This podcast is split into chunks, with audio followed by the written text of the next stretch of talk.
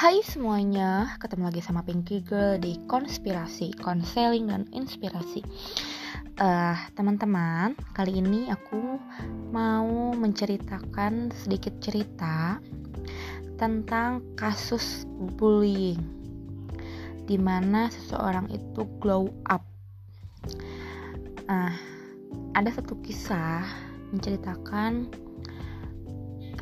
seorang gadis uh, mempunyai dua orang adik yang baru saja ditinggalkan oleh ibunya.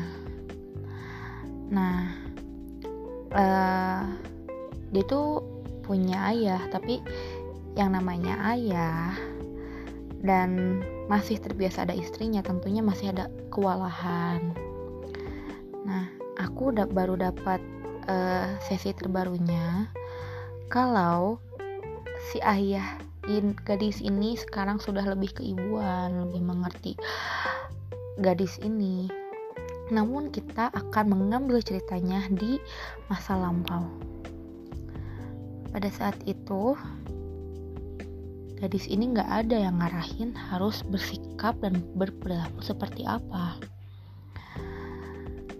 Dia mempunyai satu uh, idola yang diidolakan sangat amat diidolakan.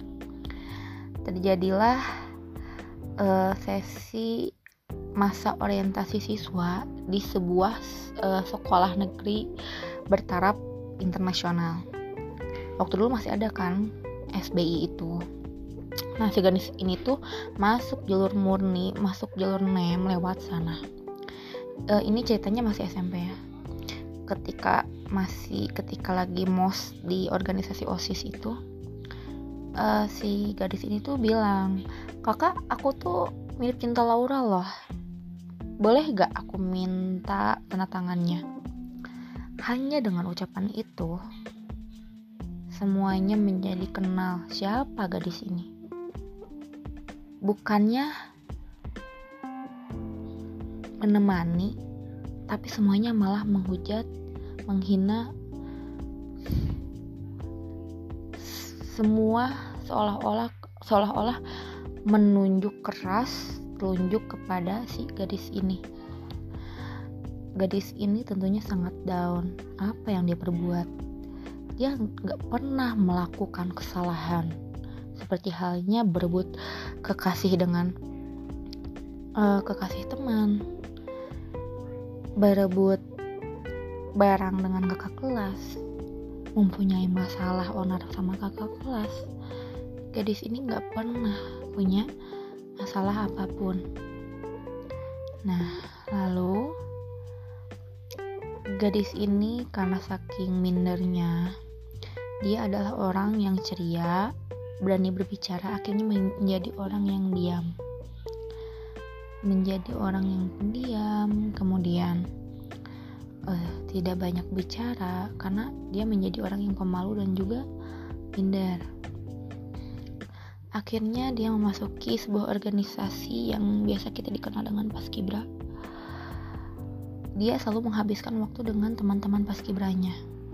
Beruntungnya dia, teman-teman Paskibranya tidak pernah menghujat, tidak pernah menghina sekalipun sampai dia dewasa sekarang apa pun yang dia pilih apa pun yang dia lakukan gak pernah sekalipun nah kemudian uh, setiap dia masuk ke kelas dia merasa tidak nyaman dia merasa tidak nyaman karena ada satu orang temannya yang hmm, selalu menghina dia, selalu membuli dia. Bahkan ketika gadis ini memilih teman untuk menjadi teman sebangku, teman yang itu itu seolah mengatur. Gak boleh, pokoknya si gadis ini itu harus sendiri paling depan udah.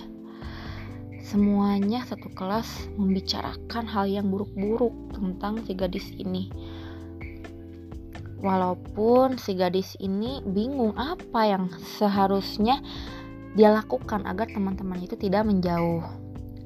Nah, kemudian uh,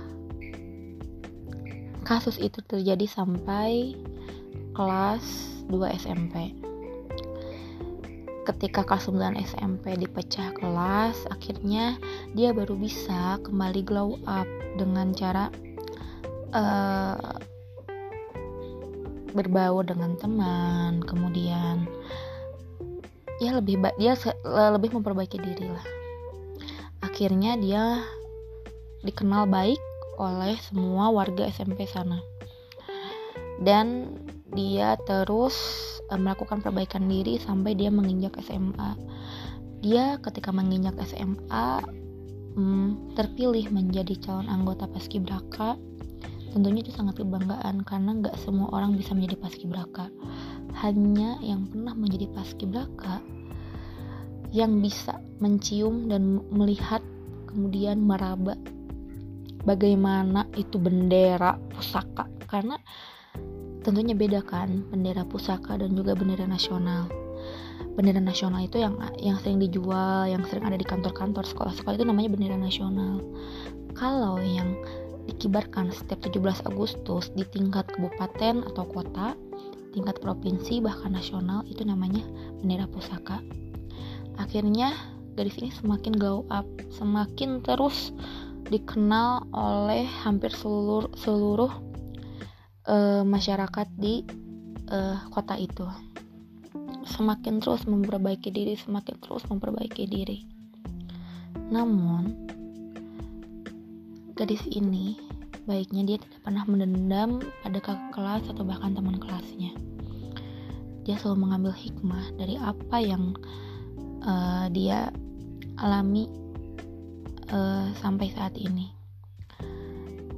dia selalu ingin membantu temannya kembali yang merasa mempunyai kasus bullying seperti dirinya.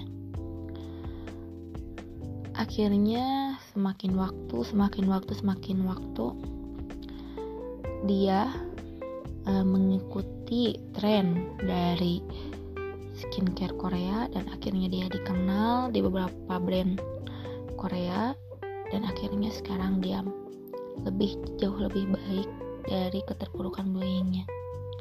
Apa hikmah yang kita bisa ambil? Bullying memang akan selalu membekas pada diri seseorang. Akan ada trauma psikis yang uh, menjadi beban oleh seseorang. Walaupun sekarang dia sudah glow up dia mempunyai rasa kecenderungan yang sangat tinggi. Uh, seperti dia selalu ketika berkata dia selalu lama untuk berpikir karena tidak uh, tidak ingin ada seseorang pun yang uh, tersinggung oleh kata-katanya. Sangat amat takut ketika orang marah padanya. Sangat amat takut ketika orang uh, merasa punya perasaan tidak nyaman olehnya. Uh, apa sih kita sebagai konsel konselor untuk bisa membangkitkan kasus bullying ini?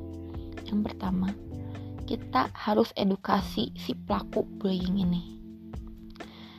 Yang kedua kita harus bisa merangkul si korban bullying ini. Karena dengan kita bisa uh, mengedukasi pelaku bullyingnya maka kita akan bisa sedikit-sedikit memberantas kasus-kasus bullying.